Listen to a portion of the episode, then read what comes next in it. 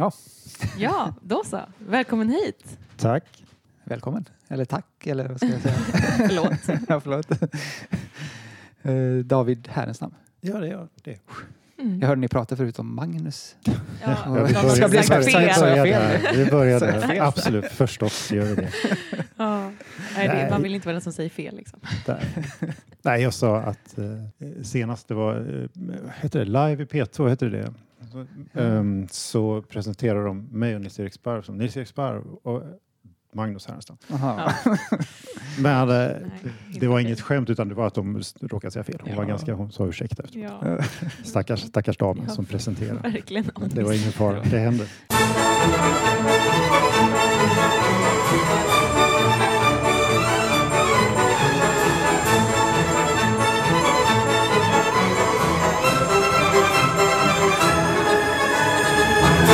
Men ni är inte släkt? Helt enkelt. Nej, det, Inte eller, så vitt du vet. På något sätt, långt håll, är vi tydligen släkt. Ja. Men jag har aldrig träffat honom. Så. Men nu handlar det om dig. Ja. Så kul att du är här. Nej, men, Ja, Ingen verkligen. annan. Hellre dig än Magnus Ja, faktiskt. Även om han är, du säker fantastisk också. Ja, precis. Jag valde det här sammanhanget. Men vi undrade lite, vem är du? Jag eh, har spelat gitarr sedan jag var sex år gammal och gått den vanliga vägen kan man säga. Kommunala Mm. musikskolan några år. Sen hoppade jag av som kanske många gör i mellanstadiet och sen Mm. satte jag fart igen i gymnasiet. Folkhögskola, Lunnevad, eh, jazz faktiskt, elgitarr Mhm. som huvudinstrument. Okej. Ända tills jag fick eh, Gunnar Spjut på biinstrument och det var det som taggade mig kanske att våga Mm. byta då. Var var det någonstans? Lunnevads folkhögskola. Mm. Så, så där, där hade de så här, jag tror det hette afroamerikansk utbildning på, det, Mm. På den tiden. Tror jag, eller minst, det är så jättelänge sedan. Det var alltså Mm. 1991. Mm. Nej. Och, eh, ja, i alla fall då bytte jag över. Sen Mm. pluggade jag i England, gick för John Mills, tog en advanced diploma och var klar 1997. Och sen dess har jag kajkat runt och eh, ja, nu är jag ju så gammal så man inser det enda man kan man kan ju ingenting egentligen utom just det och spela konserter. Så att man sitter fast. Ja, det är kanske inte är det sämsta stället att sitta på. Nej, fast fast sitter man ju. Men du frilansar eller är du är Ja, fast alltså rent tekniskt så är jag ju med i Musikalliansen då, så rent tekniskt så Ja, är det ju en fast anställning. Men, men absolut, det är ju frilansarjobb. Och vad är Ja. musikalliansen? Det är, man får absolut inte säga att det är en a-kassa. Men, men det är ju en typ av a-kassa faktiskt. Men det är helt förbjudet att säga. Det är en fast anställning för yrkesmusiker. Just det. Ehm, och så tar man ledigt därifrån då varje gång man har konserter.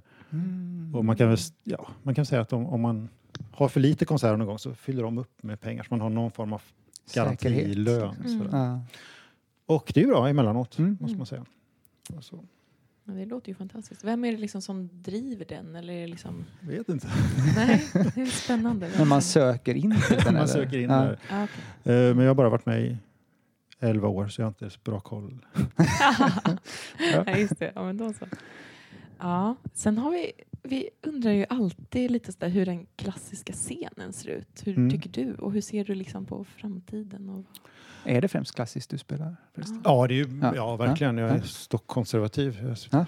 Ja, ja. Spelar ju modern konstmusik alltså, men, Okej. men eh, eh, och sen har jag gjort andra grejer. För länge sedan så jag anställd på Stadsteatern i flera år och Mm. sådär. Men det var ju liksom, det var kul. Mm. Men det var ju lite av nöd. Så, att sådär. Mm. Det var Mm. inte, så här, man gör inte 150 föreställningar av Tolvskillingsoperan för att det är en sån härlig musikalisk utmaning. Liksom.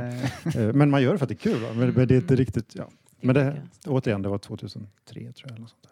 Mm. Helene Sjöholm var med. Hon var jättebra. Fantastisk. Så det var ju en jättefin föreställning. Så det var, Ja. Vad var frågan? Var det, hur du, ja, men lite sådär hur du ser på klassiska scenen och Mm. liksom vad som händer. Och vad... Vi har väl i, i, i så här genomsnitt på våra avsnitt klagat ganska mycket på Mhm. att vi stör oss på att det finns ingen scen för unga eller relativt unga. Musiker? Nej.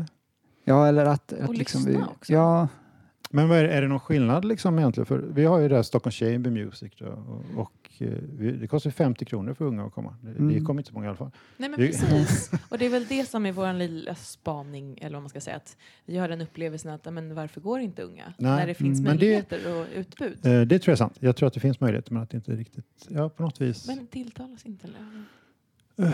Alltså jag tror vi lever i en kultur som inte riktigt gagnar den klassiska musiken. Klassiska musiken, man måste ta sig tid. Det går inte att fuska och eh, det här med LP-skivor och CD-skivor, det var bra för klassisk musik. Man köpte en Mm. skiva och så var man tvungen att lyssna. Det funkar inte om du ska lyssna på ett stycke av Alban Berg som är 25 minuter. Det funkar inte efter fem sekunder. Om du inte gillar det efter fem sekunder så har du ingen aning om du gillar det eller inte. Mm. Men, Mm. men det, det är så lätt va? att bara, äh, det är lätt konstigt, så går man vidare.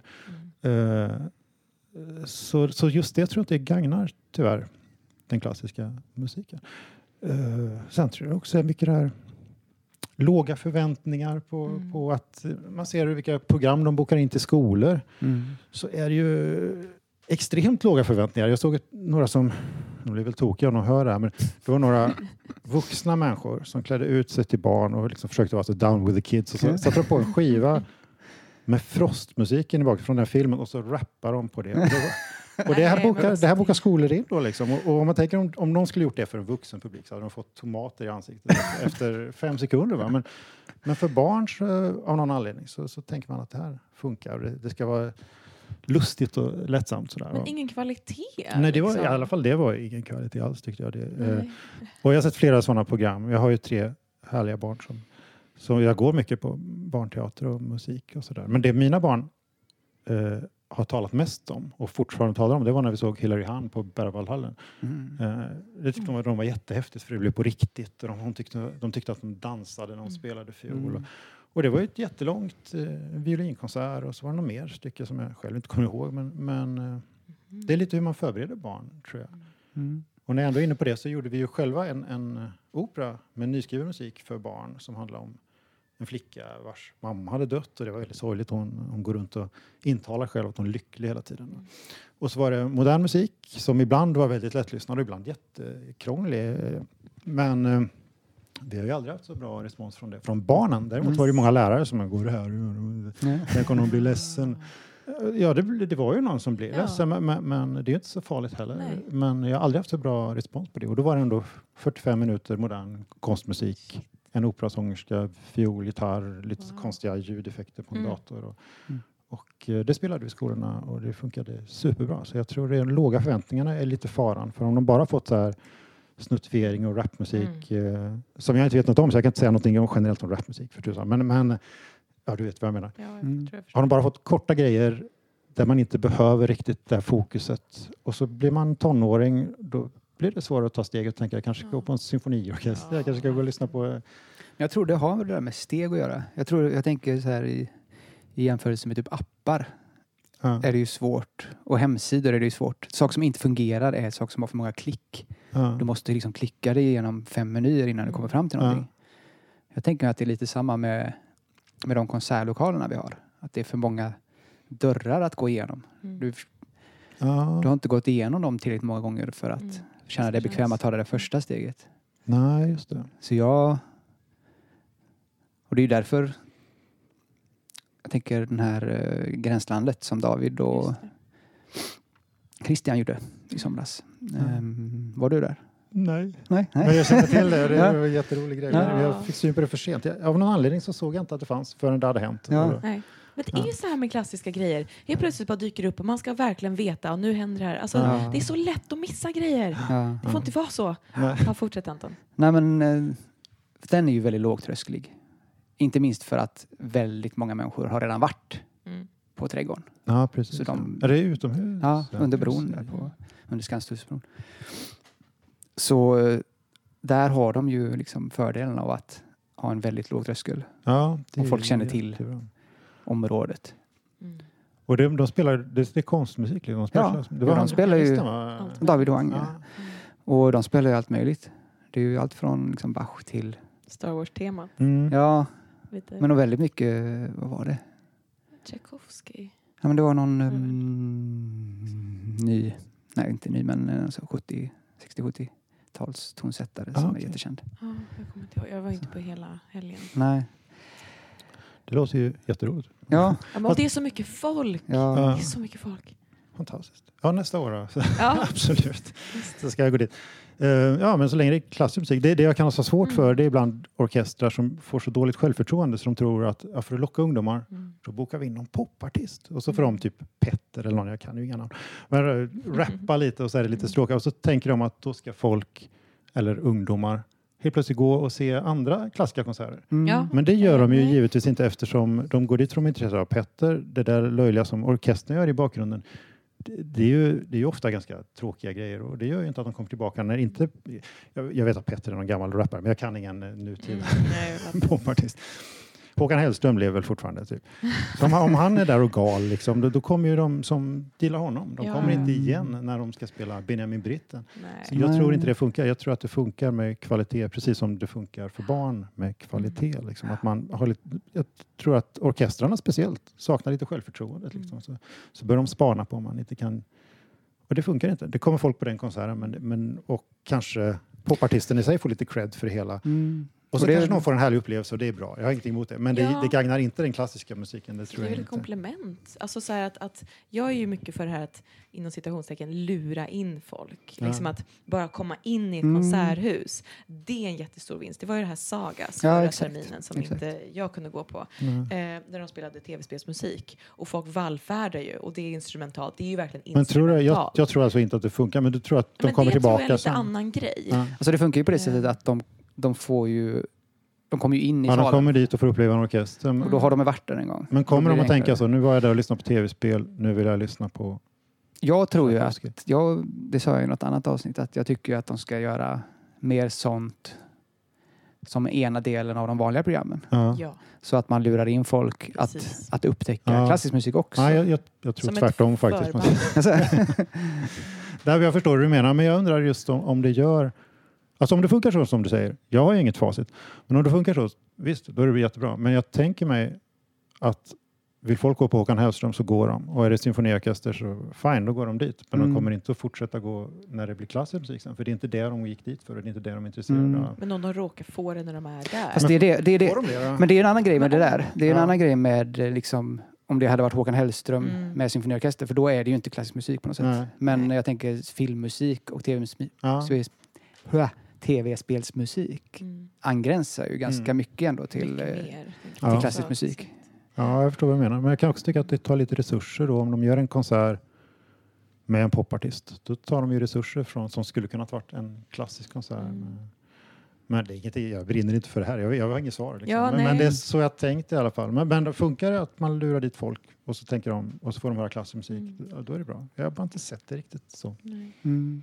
Men som sagt, jag tror att jag tror inte, alltså, binder man det till en artist, Mm. då tror jag att man är körd. Precis Ja. som du säger. Ja. Men om det är just det här med tv-spelsmusik eller film, det är mer öppet. Ja. Liksom. Det är det jag tror är skillnaden. Det är inte så en speciell person, utan det är själva grejen. Att sitta där och liksom... Eh, och Ja, men- med, 300 personer ja, men någonting. precis. Det är en helt annan grej. Mm. Liksom. Och för jag skulle verkligen uppskatta... För då upplever de ju orkestern i sig. Ja, det har du Mm. Men det är en Mm, helhet. det är liksom. Det är en helt annan grej. Det är inte så en personkult. Nej. Utan om man går dit med liksom fellow nördar som också älskar det man går dit för. Ja, men Ja, ja. liksom, en, en Ja. just som sagt personkult. Eh, alltså jag skulle ju verkligen älska att få gå till konserthus och lyssna på alltså, hits. De här, alltså Carmen-ouvertyren Ja. eller ja, men så här riktigt, alltså, som man gillar och som är alltså, det här steget in. Ja, Som man känner igen. Ja, men precis. finns det inte sådana konserter? Nej, men det gör ju Nej. inte det. Och det tycker jag är så tråkigt för att jag tycker att det borde vara För en när du säger hits, då menar du klassiska hits? eller? Absolut Ja. superklassiska. Ja. Men typ Wilhelm Tell, Ja, ouvertyren eller liksom ja.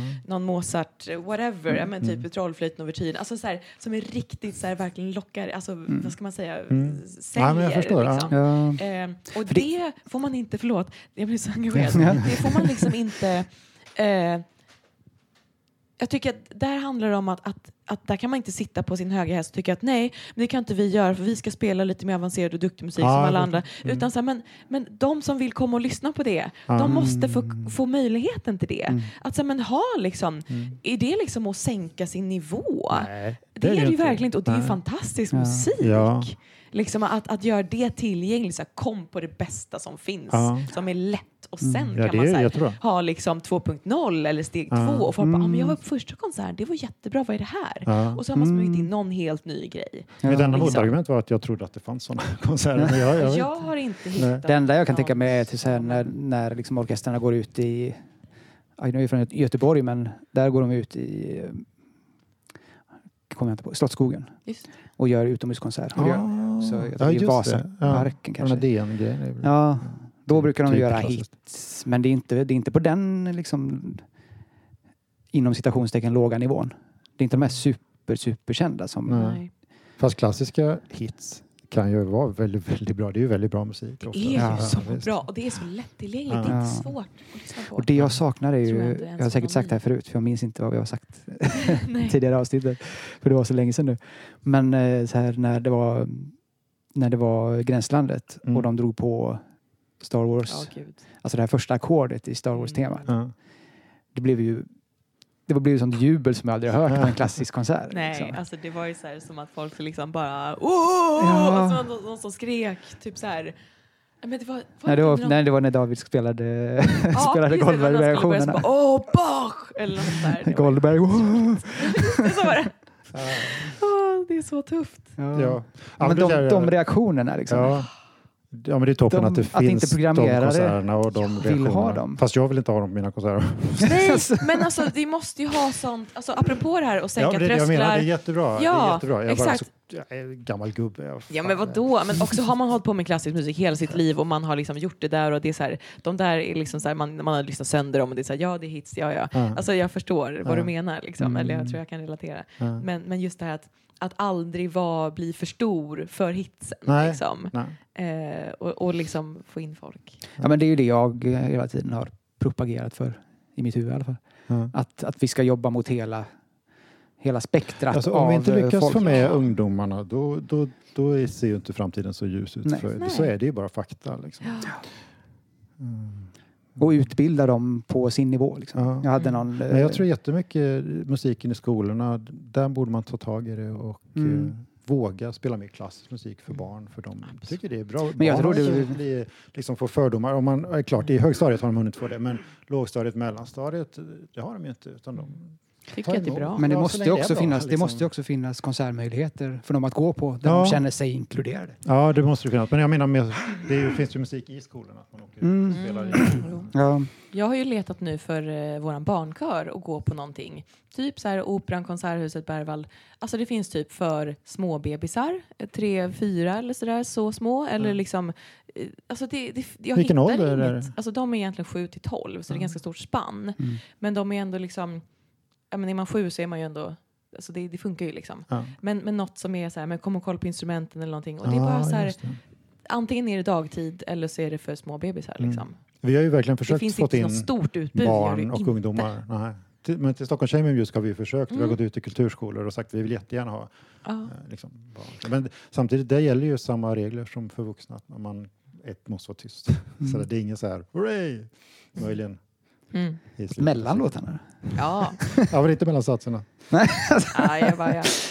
Men eh, det här Stockholm Chamber Music, Ja. när är det och vad är det? Och... Jag har hållit på några år. Det började då att eh, Anna Tarantino tyckte jag skulle spela några konserter på slottet, för hon hade ju musik på slottet. Eh, nej, vänta, så började jag inte. Nu ska jag inte över... Nu, så här började det faktiskt. Jag vill göra en festival och då ringde jag Anna, Anna Tarantino och sa jag, jag, jag skulle vilja göra det. Hur kommer man in på slottet? Då sa de, kan inte du göra det under musik på slottet, Mm. liksom flagga då? Och det var ganska enkelt att starta så. Och sen så sökte jag pengar själv och jag fick eh, en hel del sådär. Så då, då blev det en ganska mycket större grej och så flyttade vi till Riddarhuset. Eh, och det, förra året funkade det ju väldigt bra. Det kom Mm. mycket, mycket folk. Det var en riktig succé. Det var skitkul. Mm. Eh, ja, och så i år försöker vi igen då med tre konserter. Det Mm. börjar 9 oktober med Treitle-kvartetten och så. Anna-Lena Laurin Urupö vid ett stycke för gitarr och stråkkvartett. Och sen så Andreas Branteli där och spelar cello med Nisse Sparv. Jag är också med på ett hörn förstås. Och sen Mm. så 20 oktober så är det modern musik. Men den, den är verkligen, den är inte svårlyssnad. Ja, kanske nej förresten, bitvis.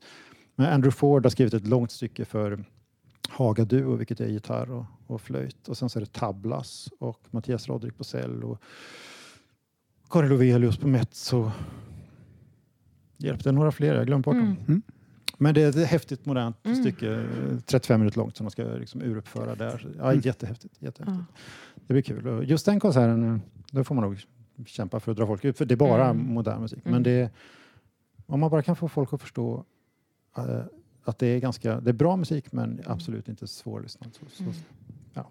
Men där tror jag alltså att om man hade gått dit med likasinnade mm. Ja. på något sätt. Att man, för när man går på en sån här musik som, som man inte uppskattar i regel första gången man hör det. Ja. Utan det är mer en intellektuell grej. Att Ja. så här, ja, men vad, vad hände där? Och Ja.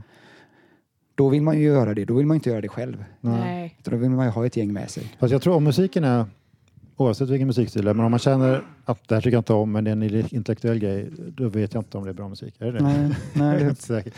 Men eh, det finns ju klart musik som man måste lyssna på flera gånger Mm. innan man Mm. förstår den. ofta för min del har det varit den musiken som jag tycker mest om Ja. i efterhand. Ja, Är det så? Som man verkligen- alltså, som man måste grotta ner sig. tag, Ja. Men för mig har det, har det mer handlat om metal. Och så här, Ja, eh, okej. ja, men typ um, ja, Meshuggah och ja, Dillinger ja, Escape och, faktiskt. Ja. som man så här, första gången man lyssnar på blir så här, ja, va? vad, vad är det som händer? Ja. Och så tänker man att ja, men, shit, det finns någonting här tror jag. Mm. Och så lyssnar man på det i två veckor Mm. utan att fatta. Ja, men de och sen börjar trilla, pusselbitarna trilla ner. Mm. Liksom. Det var inte många dagar sedan jag gick och lyssnade på dem i tunnelbanan i hörluren. Mm. Ja. Vad den hette? Bleed tror jag den hette. Eller hur? ja. Mm. Typ. Men vissa saker drabbar ju en ju Ja. väldigt hårt och andra så här, ja men det är väl som med mycket i livet att vissa får man så här öva sig in på liksom. Mm. Ja. Du, vet nu vet jag varför jag vet den gruppen. Jag hade en trio för flera år sedan med trummor, bas, elbas och gitarr och vi spelade liksom klassisk musik och improviserade runt där. Och, och jag skrev musik själv och det var Mm. väldigt mycket udda taktarter och sådär. Och då var det någon som sa, det här låter precis som Meshuggah fast Nej. akustiskt. Nej. och därför kollade jag upp dem, det lät inte alls som Meshuggah akustiskt, men i alla fall. Ehm, så det var därför, då tyckte jag att de var kul och bra. Så jag Ja. har lyssnat lite på dem. Men det har jag alltid så här tänkt att om jag skulle vilja, jag skriver lite, men eh, om jag skulle skriva någonting för någon större så hade Ja. jag velat ha det i den stilen liksom av Ja. Meshuggah eller Dillinger Escape Plan. Men det är, det är svårt. Jag har märkt i några så här stora moderna verk att, att det kommer så här i mitten Mm. när det stora liksom, bombastiska stället kommer. Då kan det vara lite där riktigt svängiga, tunga Ja. som är liknande. Fast i de här banden så är det ju det hela tiden och det Mm. älskar jag. Ja. Men har du inte det typ Alfred Schnittke och Faustkantaten? Det är ju mycket sådana... Ja, det får jag kolla upp. Har du inte hört dem? vi- Nej. Herregud, det måste är ju Ja. Åh, det är, ja men kolla det. Vi Ja. brukar ju alltid... Faustkantaten. Ja, Sorry. Alfred Schnittke. Åh, det, det, Jag har bara hört eh, Stille Nacht ja, av ja, Schnittke. ja, det är ja. sådär. Ja. Ja, men han var ju rolig, han var ju typ Frank Zappa fast klassisk. Men, typ. men, eh, nej, men han skriver fantastiskt bra musik Ah. och eh, det är mycket utav det här, vad kallar man det nu då? Ja men som om man skulle, som riffande nästan, Ja. det ostinato jag. Ja, precis. Som, eh, och väldigt, väldigt mörkt. Och Mm. ja, det är Faust. så Det är, Det finns ju någon svensk eh, kompositör också som Micke, min kompis, eh, som också är inne i metal-svängen lite, Mm. tipsade om. Som har gjort någon, eh, något orkesterverk för... inte Albert Snells? det är en Nej, gammal nej, kompis till mig. Han nej skrev ju han musik till en skiva för inte så länge sedan. minns inte vad han hette, men han har gjort alltså, han har gjort med Meshuggah Jaha, så okej, jag trodde du menade att det var Inspirerad. Ja, musik. Ah, Vi får gräva i det. Ja, Jag ska ju säga det också i podden att vi gör ju alltid en eh, Spotify-lista med musik som vi nämner i avsnitten. Mm, Så check it out. Mm. bra, Mm. det har vi glömt varje ja, gång. Vi har glömt liksom, ja, påminna om Om det. ni ska leta upp uh, Faustkantaten så tror jag faktiskt inte de heter Faustkantater utan de heter någonting nyktront. Ja, det är något, ah, Vi letar lite. Men de kallas alltid Faustkantat. Det är Faustkantat så Ja. det går att hitta. Mm. Spännande. Får jag hoppa direkt in i roliga anekdoter här? Ja. Byta helt Ja, från musiklivet. Du måste ju ha hur mycket som helst. Du nämnde lite innan här. ja alltså, när du kom med frågan så tänkte jag att jag har ju ingenting. Men sen när jag satt och talade med min fru så insåg jag att det var hon som, men det där då? Det där Ja, just det. Ah. Ja, men det, det vi kom in på förut, eh, det var ju att jag jobbade nog på Stadsteatern eh, och det var väldigt kul faktiskt. Det var det. Eh, Och där finns ju karaktärer, bland annat en, en, en karaktär som eh, under ett rep blev arg för han tyckte jag satt i vägen med min gitarr. Han hade ett stort svärd för han skulle uppträda med ett svärd. Och då sa jag akta, för, försiktig. Och då blev han arg så han, han högg med svärdet. Och han högg så hårt så att han gjorde som ett pistolhål i, i locket. I gitarren? Ja. Så, att, eh, så jag satte ett plåster på gitarren och Nej. spelade med det. Så jag hade den gitarren faktiskt i säkert ett år eh, Ja. med plåster på, för det går inte att laga förstås. Men ja, och så- som jag sa, emellanåt så var han väldigt ledsen och sa Åh, jag har dödat själen i ett instrument. Och emellanåt sa han, nej du får skylla själv. Ja. Så han växlade lite, och det, vilket är lite karaktäristiskt för en del skådespelarmän skulle jag säga, Ja. enligt min erfarenhet. Kan jag väl ana. Mm. Mhm. En av de roligaste grejerna, jag blev faktiskt felbokad. Det var då jag träffade min fru, det var därför min Nej. fru tog upp det här. Eh, det var en helt galen bokning. Eh, Jag har glömt vad det hette. Kärnåsens musikfestival eller någonting i. Värmland. Eh, och, eh, och där satt min fru och jobbade också och eh, ställde ut målningar. Men just den dagen när jag kom dit då, så, så mm, eh, var det någon som hade blivit sjuk. Han som skulle hämta artisterna och köra dem till, till scenen. Det är ju ingen som ser att jag gör sådana situationstecken. Men, Eh, så hon hämtade mig och det var där vi träffades. Men hur som helst eh, så var jag ju fullständigt felbokad. De hade, jag skulle spela på någon sån utomhusscen. Och på den tiden var jag väldigt hardcore. Jag spelade bara så här modern konst. Jag spelade Mm. Ebrard Eiser i 20 minuter, 12-tonsmusik. Härligt. Och, eh, ja, en klokare gitarrist hade ju förstås ändrat repertoaren när han såg Ja. det. Men, så bakom mig så gick det massa kor, massa bjällror, ding, ding, ding. Och så framför mig så satt det kanske så här 30-40 förvirrade bönder och kollade på klockan så här och så väldigt eh, så här. De vågade ju inte gå eller de var så få. Och jag fortsatte där. Jag var ju förbannad. Jag bara, här ska ni få bra konstmusik. Gud. Så jag satt där Smaka på. Ja, på, ja precis. Så var det. På clean chiv spelade jag Ja. allt jag kunde som var modernt. Bara. Och de satt där. Eh, och innan mig så var det alltså någon sån, ja, det som, som passade förstås. Ja. Nämligen någon sån här komedigrupp som hette Värmlandspöjkarna. Eller någon sån här, som snubblade och höll på att grämma, grämma en cykel. Och det var jätteroligt. Sen, sen kom jag där. Ja, jag ska spela en sonata Ebrard Eiser. De bara, ja. Ja, men där träffade jag min fru och, och eh, jag tror inte hon såg den konserten tack och lov eller också så gick hon i skam. Men, men det var där vi Ja. började prata. Och sen, så, jag har aldrig fått komma tillbaka förstås. och Det är fair, fair enough. säga. Ja, men jag, jag träffade Maria där så det var kul. Ja. ja. Fin historia Jo, och andra gånger, det var när jag hade lärt känna varandra lite grann. Mm, Mycket om min fru. Ja. Men eh, när vi hade lärt känna varandra lite grann så sa jag, så sa jag vi kan, du kan komma på en konsert. Jag spelar i Orsa. Mhm. Och i Orsa kyrka spelar jag med en dragspelare som heter Håkan. Vi spelade så Piazzolla och sådär. En vanlig kyrkokonsert. Och så sa Maria, ja men jag, jag kanske kommer dit. Så Vi hade just träffats, så jag visste inte om man skulle komma. Det var när vi kom dit så hade de ställt upp stora affischer där det stod David Härenstam, klarinett.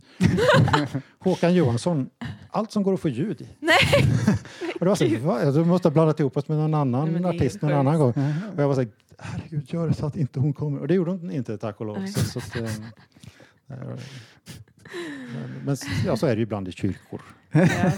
Ja, jo, nej men Men ibland är det väldigt bra arrangerat, som, som i Ängskyrkan. Ja, det är verkligen hur? fantastiskt. Ni var ju på besök, du och Stina. Det, är det senaste som jag... Det var ju inget... För dem var det inget knasigt, men för mig var det väldigt konstigt. Jag turnerade i Kina för några månader sedan och där hade de efter varje konsert eh, så skulle man ställa upp sig och så kom publiken och skulle ta kort. Så där. då skulle man, Okay och så skulle man le och de sa you smile now. Så, så jag, tänkte, jag ser ut som en psykopat när jag ler så att, eh, att, att jag försökte liksom bara se lite cool ut. Mm. Eh, och då sa de, no, no, no, you smile, you smile now. Och så, okej, så försökte jag le. Så, så det finns så, här 300 psykopatbilder på mig, ler med kineser. Som, men det var något, alla, jag vet inte varför, men alla skulle rada upp sig där och, och det hände på ja, varenda konsert. Fanbilder liksom. Ja, men ja, de gör ju ingenting med det där. De har i mobiltelefonen och slänger bort efter ett tag. Men, men det var så det gick till i alla Ja. fall. För mig var det helt knasigt. Jag ville ju bara gå därifrån. Ja. Vad där köpte de faktiskt skivor fortfarande. Nej. Av någon anledning. Så jag Okej. vet inte om de... De kanske inte har Spotify där. Att de är Det är modernt. Ja, det kan Ja, de är ju så också. supermoderna. Men det, kan, det Ja. finns ju en... Kanske Men- hippt igen. Som att LP kommer Nej, tillbaka. så. menar, ja, kanske det också. Eller så är de väldigt vänliga. ja, men de snackar om så, the great Ja. firewall of China. Så det är visst med väldigt mycket som man inte Mm. kunde. Facebook finns Ja, ju inte nej, där. Och, precis. så det, det kanske inte är lika lätt. Fast jag vet inte, jag bara spekulerar. Men Ja. CD-skivor vill de ha. Eller? är? Ja, Väldigt bra. väldigt bra. Ja. Men vi kan ju återkomma lite om vi kommer in på någonting. Ja. Mm. Eh, apropå att komma in, hur kom du in på klassisk musik? Eller vad är din liksom? Ja, alltså i, från början så var det ju att jag hade en äldre kompis. Jag var sex år gammal och han var sju, så han var jättestor och tuff. Och han spelade gitarr i Mm. kommunala musikskolan i Karlstad. Eh, och eh, då tjatade jag så jag fick följa med honom och åka in. Så vi åkte bil med hans föräldrar och in till stan och det var jättekul. Alltså. Så, så det var början och sen så i mellanstadiet så tyckte mina föräldrar det var alldeles för dyrt att åka in med buss. För då åkte jag in själv till Karlstad med buss och det kostade fyra spänn och så. Men det var mycket på den tiden. Men då tyckte de att det, så då fick jag sluta. Mm. Eh, men sen tog jag upp det igen. Ja, du vet så här, när alla skulle spela rockband och så, här, Mm. så även jag. Och så då satt jag och spelade liksom akustisk gitarr så gott jag kunde själv och Mm. hittade noter på biblioteket. eh, Mm. och så. Men jag såg elgitarr som ett huvudinstrument och det, det gjorde jag ju då faktiskt. Jag, efter, efter gymnasiet gick jag också till Lundvalls folkhögskola som var en jazzutbildning. Då. Men det, det stora steget in till klassisk musik, det var faktiskt en resa. Det var lustigt eftersom vi kom in på Faustkantaten. Mm. Det var faktiskt en resa till Göteborg och det måste varit typ 1991 och liksom, när jag gick, hade elgitarr som huvudinstrument. Och då skulle vi se Faustkantaten och då var jag elgitarrist när jag åkte dit. Men så, och den där upplevelsen, det var så chockerande bra och fantastiskt. Och det var det starkaste och då kände jag liksom att det, det finns ingen annan musikstil. Och just där och då kände jag att ja, John Coltrane, det var som att det var bara larv Mm. i jämförelse med den här enorma stora orkestern och de här Mm. om- kan, kan vart, heter hon Ingrid Blom som sjöng? Ja, det var fantastiskt bra. Mm. Eh, och då var det så här, "Nej, men det här måste jag göra. Och så hade jag då Gunnar Sput på biinstrument och så Mm. frågade jag honom om jag kunde få byta och så ordnade Mm. han det. Och så där, eh, ja. Så det, var det, den vägen jag kom in och jag var intresserad av, jag lyssnade mycket på Einstürzen, The Neubauten och, och Naked City med John Zorn och sådär, sånt som inte är konstmusik alls men det är ju experimentell Mm. musik och ett jäkla oväsen. Mm. Och jag, Mm. kunde, det- jag tyckte om det där. Jag Mm. förstod, jag lyssnade mycket på Senaka så jag förstod ingenting men jag, jag älskade jag älskade det där oväsendet som, som jag inte förstod någonting om. Jag gillade, det var en sån Ja. himla Det energi. växte på dig kanske? Som Ja. Du sa Anton, det här med... Ja men precis. Ja. precis. Eh, ja, men jag gillar energin. Jag, jag lyssnade mycket på punkmusik när jag gick i högstadiet. Så där, jag var väldigt frustrerad och arg och, och det passade mig. Och, det, och därför, och än idag så kan jag gilla mycket oväsen, energi och il, Mm. ilska i musik tycker jag om. Så där. Det värsta jag vet är så gitarrister som ja, du vet, Cavatina och sån här skit. Det, alltså. ja, men det låter som en speldosa. Det finns ingen, jag blir bara förbannad när jag hör. Ja. Gud, vilka, vad härligt. Ja. Starka känslor liksom. Men det är det vi gillar. Liksom. Men det har jag Det var ju det som fick in mig med Suga. Det, det började för mig med Rage Against the Machine. Ja, ja, ja. Det var så här, oh shit, så här, arg musik. ja, det var ju det här väcker någonting kom, i mig. alltså. Ja. Och sen har, efter det har jag hela tiden bara försökt hitta något hårdare och hårdare som. Mm. verkligen kan leverera en käftsmäll. ja, men lyssna på Faustkantaten. då, Ja. så. Ja. Ja, men det som verkligen, det som verkligen gjorde mig glad till slut var Dillinger Escape Plan. Det är första gången jag verkligen känt att nu, Jag vet inte vad det är. nej, men lyssna på Okej. eh, Vad heter de? Så Dill... Dillinger, The Dillinger Escape Plan. Ah, okay. Lyssna på One of Us is the Killer. Okej. Det är den käftsmälligaste skivan jag Ah, okay, stött på. Ja, vad roligt. Vad Skönt att vi har samma upplevelse. Alltså Ja. jag, när jag var typ, vad kan jag ha varit, 12, 13, jag vet inte vad jag var, såg jag Matrix för första gången. Alltså jag var, s- åh gud vad jag var körd. Alltså alla Bra som känner mig vet att jag var dum i huvudet på det där i typ eh, flera år. Och de, de enda de, folk kunde säga, ah, men vad ska du säga om Sofia? Matrix. Så. Men eh, Alltså musiken, Ja. det var liksom Rage Against, och det var, eller Rage Against the Machine. Eh, Just det, sluta med det. Va? Wake Up. Exakt, Wake Up. Åh, Ja. så jävla bra! Och så var Marilyn Manson, eh, Rock is just Dead, första låten efter texterna. Åh jävlar, jag hade sett någon låt, det var Mechanical Animals, som jag hade sett när Vox Pop fanns. Ja, när jag var det. jätteung och var så det här är jättebra och jättekonstigt och hur ser han ut och vad är det här? Och det var tungt och det var hårt och det var, ah, det var så bra. Så Ja. där, där började min eh, totala rockera. Liksom. Fast har ni hört så Rage Against the Machine typ nu? Tycker ni det är lika bra? Ja, inte har de åter- Nej, det är ju bara gamla musiken. Ja, så menar du? Fast jag vill Ja. inte ta på några tår här, men, men jag jättenyss så, Ja. så fick jag en sån feeling och leta upp Rage Against the Machine. Ja, jag har ändrat mig. Liksom. Ja, okej. Ja, Jag tyckte att det var skäm, skämmigt. Jag tyckte det var tusan. Men Oj. som sagt, jag är 46 nu. Så, så den musiken är väl inte för mig Jag längre. tror jag lyssnade på det för några år sedan. Nej, jag tyckte att musikstilen hade gått ur tiden med det här Ah, funkiga och metall. det- Ja. Ja. Det kände jag med, nu är vi inne på helt annat spår. Ja, Ja, verkligen. jag. Men jag lyssnade mycket på Tool förut. Om du vet det jag vet inte. Ah. Just det, De släppte precis ett nytt eh, album. Ja. Och där blev jag så här, nej det här, det här håller inte längre. Nej. De gamla skivorna gör det för de var väldigt Klassiska nya, nya när de kom. Liksom. Men nu känns det som att de... Ja. Ja. Jag gillar inte den Ja, ja. Jag har aldrig om Nej. En- ett av de bästa banden som jag upplevde Ja. under 90-talet. Men det är det här som är så lustigt. Alltså, det känns som att det är så nära besläktat. Jag har alltid hävdat det. Det här med klassisk musik och rock. Alltså, eh, dels hur rocken har växt fram och liksom eh, den vägen liksom från liksom vanlig sån här klassisk 50-60-tals rock till idag och Mm. metal och allting. Men att det är så många rockartister som är klassiska i grunden. Mm. Alltså att, att man, alltså de är ju så enormt duktiga, alltså de som spelar alla solon, så här, många, inte alla såklart, Mm. men det finns ju många som är extremt bra, liksom elgitarrister eller vad som helst. Liksom. Mm. Eh, och då måste man ju vara bra på att spela. Liksom.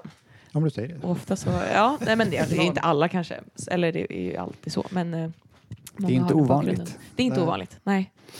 I rock och metal och så. Mm. Ja, men eh, återgå till ordningen här. Ja. Vi har ju våran eh, lilla eh, knäppfråga när vi alltid brukar fråga om eh, preskriberade småbrott och sånt där. Eh, vi kanske eventuellt har erkänt diverse nedladdning och små stölder och sånt där. Ja, Men, det där pratar vi lite om. Det är ju en, liksom en svår fråga för det blir ju inte så jäkla mysigt. Nej. Jag kom, tror jag att det var. nej.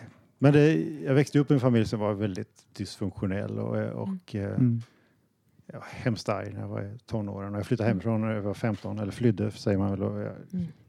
praktiskt taget ingen kontakt med mina föräldrar sedan dess. Och Mm. jag gjorde massa idiotiska grejer så här, i högstadiet och gymnasiet. Och det är varken roligt eller anekdotiskt. Eller, Mm. Mm. så det är bara skamligt. Men eh, jag förstår vart det kommer ifrån. Men det blir inget roligt svar. Du får klippa bort det här. Ja. Eh, så jag skulle kunna hålla på och prata länge om massa idiotiska grejer som jag inte borde gjort. Men det, är ju, det blir ju inte så kul. Mm. Nej, men det är väl en del av livet också. Ja, Man en måste vara en idiot. Det är 30 år sedan. Så. Ja, men jag tycker det är lite befriande. Liksom. Har, det, har, det, har de grejerna gett dig liksom någon kraft till musikutövandet, tycker du? Nej, nej, det Nej. tycker jag inte. Det Utan var det, bara det var ju, destruktivt. ja, det var en destruktiv tid. Eh, Däremot så kan jag i efterhand tänka att vilken kraft jag hade som kom vidare. Och, Mm. eh, och trots allt, även i gymnasiet, jag övade mycket. Liksom. Mm. Jag gick inte i skolan så jäkla mycket måste jag erkänna. Men, men jag, jag övade ju. Liksom, och jag tog mig vidare och kom in på Mm. linjer och sådär. Så att jag kan tänka själv att fan vilken kraft jag hade Mm. att jag Mm. gick vidare. Men att, att de här sakerna i sig och, eh, och drogerna som definitivt fanns med hela tiden eh, under slutet av högstadiet och gymnasiet. eh, Det var, fanns ju ingenting bra. Det var ju Nej. bara destruktivt. Ja. Liksom. Mm. Och, eh, Eh, Nej, men det tycker jag är så här ganska inspirerande. Att hö- eller när man hör om folk, vad som fick folk att, att bli framgångsrika i sitt Mm. fält. Mm. Liksom. ja. Eh, Jag har alltid haft en väldigt drivkraft mot musik och alltid, det har alltid Mm. känts som något jag måste göra. Mm. Och eh, kanske även hemma när jag var liten. Nu blir det lite så personligt. Men det, det jag vet att det var liksom stäng dörren om du ska öva. Det var, det var, liksom, det var standard. Men det var ganska bra. För då, då stängde jag om mig och så fick Mm. jag vara där med gitarren. Och det Mm. blev som en flykt då. Mm. Och på ett vis så tror jag att musiken har varit en, en bra flykt. Mm. Mm. jämt. Mm. Eh, kanske även liksom idag. Sådär, man flyr. Och jag är ofta ganska trygg när jag väl sitter på scenen. Sådär, och det blir Mm. min, min bubbla, min Mm. flykt. Sådär. Mm. Eh, Jag har absolut inga problem idag, det lät ju konstigt. Men, men eh, det, det har på något vis samma funktion, en, en annan värld Mm. som, jag, eh, som är på något vis separerad och på något vis exakt likadan Mm. som, ja, som världen i stort. Mm. Skulle du kanske säga att, att musiken räddade? Eller vad, tror du att du hade varit om du inte hade haft musiken att fokusera på under den perioden? Det, det var en bra, jag har aldrig, jag har aldrig tänkt, det är lustigt för det är en vanlig fråga egentligen, men jag har aldrig tänkt på det. Ja, jag tror faktiskt att musiken räddade mig, i alla fall i gymnasiet. Så där. Sen, sen får man väl tänka att jag hade gått vidare ändå på något vis. Men just Mm. där och då, det var absolut, jo det var en räddningsplanka. Det var det. Det var, jag behövde också, jag var väldigt, sen jag började öva mycket, så här, sista året på gymnasiet så övade jag kanske tre, tre timmar om dagen. Så här, Mm. och då hade jag väldigt nästan som, vad heter det som barn som har vissa, de måste följa vissa ramar. De, OCD. så tvångs, Ja, tvångstänkande. precis. lite så. Mm. och det, så var mitt övande. Jag hade Mm. tvång att jag måste öva si och så mycket skalor Mm. och si och mycket Mm. ditt och datt. Och det låter inte så bra, men det var nog bra för mig Mm. där och då. Mm. För då, då följde jag det. Ja, då fick jag Ja. en struktur som inte fanns någon annanstans. Eh, så ja, det låter jävla upplåst, men det, jag tror att den räddade mig i gymnasiet i alla fall. Det, Mm. det tror jag. Ja, Jag älskade ju den strukturen när jag var i gymnasiet Ja, ja, och, ja. och tvingade mig själv. Eller jag bestämde mig för att nu ska jag öva så här mycket. Mm. Och så var det liksom inget mer Ja. snack om det. Ja. Nej. Nej, men för mig var det till och med, ja, även om jag kom hem 11, så Mm. ja, men jag har två timmar kvar. Ja, men då gör jag det. Ja. Fast då var det mycket elgitarr så jag kunde sitta utan eh, Ja. förstärkning. Så. Just det. Jag bodde i en källare i, i Karlstad. Men det, jag tror det, det är väldigt, väldigt bra för hjärnan att ha sådana tvinga sig själv att, eller att bestämma sig för att man vill utvecklas. Mm. Ja, men för psyket. Alltså Ja. att få den... Men dels det här någonting annat att fokusera på än sånt som är jobbigt. Alltså jag tror att nästan alla kan väl relatera till att ja, men om man är ledsen eller arg eller man är, känner ångest eller vad som helst att man kan liksom bara få vila i bara att lyssna på musik. Mm. Men att få spela och liksom göra något fysiskt och låsa in sig. Så här, Mm. Oavsett om man är arg eller... Alltså det, det, det händer något. Och att Mm. fokusera på en sak. Exakt. Det är ju något som jag tror många hade njutit av Ja. i dagens samhälle. Där man har så himla mycket att Ja. Mm. fokusera på. Mm. Ja, men det är som att man, man bestämmer sig och då är det det som gäller. Ja. Det spelar ingen roll. Jag kan inte hålla på och göra ditten och datten för att nej men det är som du säger, nu har jag de här timmarna och nu har jag bestämt mig och det är också en karaktärsgrej Ja. vilket jag tror är så Mm. himla, alltså det är ju ovärderligt just i den åldern. Mm. Alltså ungdom överlag oavsett, alltså det är ett stort spann åldersmässigt så men jag tror det är jätteviktigt, alltså hur det Mm. formar en och sen senare i livet liksom, att, Ja. att ha den det med sig och veta att man klarar saker och Ja, att veta att man, om man Klar sig bestämmer sig för och- någonting så, exakt. så kan man göra det. Mm. Din självtillit. Mm. Att man kan lita på sig själv på något sätt. Ja. Och vara ensam med sig själv och, och klara av saker. Mm. Ja, det, är, det är något väldigt häftigt i det. Ja, det är lite stickspår. Men det där, de artisterna slog mig som, som, jag tyckte var stora i gymnasiet. De har jag fortfarande exakt samma relation till. Och så Mhm. ja, men, så, per Skaräng och Mats Bergström. Det är så fantastiskt. Jag, jag, kan, inte- jag kan inte relatera. Det, för, Mm. för de betydde så mycket när jag gick i gymnasiet. De är inte mycket äldre än mig. De är bara Mm. ja, kanske tio år äldre än mig. Men eh, jag, jag har svårt att bedöma dem. Och samma en artist lite tidigare som, heter, som kallas för Fetus, som heter Jim Fearwell. Jag, jag träffade honom och spelade med honom i, i Stockholm Mm. förra året. Var det väl. Och han, är, ja, för han har liksom bytt och han, spe- han skriver konstmusik nu. Okej. Jättehäftig musik. eh, och jag var så nervös, jag kunde inte, jag kunde inte prata. Det är jättefånigt och jag blir aldrig så starstruck i andra, i andra lägen. Men just när det kommer sådana som var stora för mig när jag var 16-17, då blev jag bara... Jag, jag sa till honom, typ, jag skickade ett fan-mail till dig. Nej, han, tyckte, han tyckte det var jättejobbigt. Så allting blir bara fel. Jag har en bild som är tagen jag, ser verkligen ut som en galning. Och han står där liksom... Smile now, you smile. Jag hade verkligen så smile. Jag försökte smila dessutom. Man ska aldrig göra det. Man ska aldrig le på bild. Det visste Jim Fearwell. Så, så, ja. ja.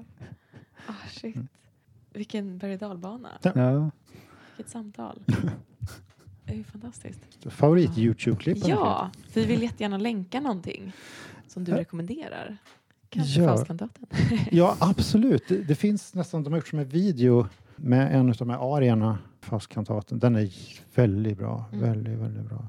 Det finns ju så mycket bra. Jo, men den skulle jag tipsa om faktiskt. Eh, John Mills, en gitarrist som jag tycker är faktiskt den bästa gitarristen. som finns. Han har en underbar klang. Så det finns, han har inte spelat in så många skivor och det är svårt att få tag i honom. Men på Youtube har någon vänlig människa spelat in. Han spelar en konsert, bland annat She Moved Through the Fair. Jättevacker för folkmusik. Och man kan, Mm. ljudet är inte perfekt men man kan höra, man kan skönja den tonen han har. Mm. Och det är ett fantastiskt klipp. Och det är bara en, typ några hundra som har kollat på det så det, Mm. gå dit och titta. Ja. Det är jätte, jättebra. Ja, den vill jag tipsa om. Det är jätteroligt. Neograss finns det ett band som heter, så, så apropå det, två klassiska musiker som Mhm. spelar countrymusik i udda taktarter. Nej. Ja. Snowman heter deras stora hit. Eh, det är en gammal kompis med mig som, som, gör, som är professor i Tromsö nu i Norge. Han, är, han är gitarrprofessor och så spelar han in det där. Det är skitroligt och Mm. jättebra. Apropå musik som, som är lite sådär. Ja, Ja. verkligen. Så Neograss Snowman.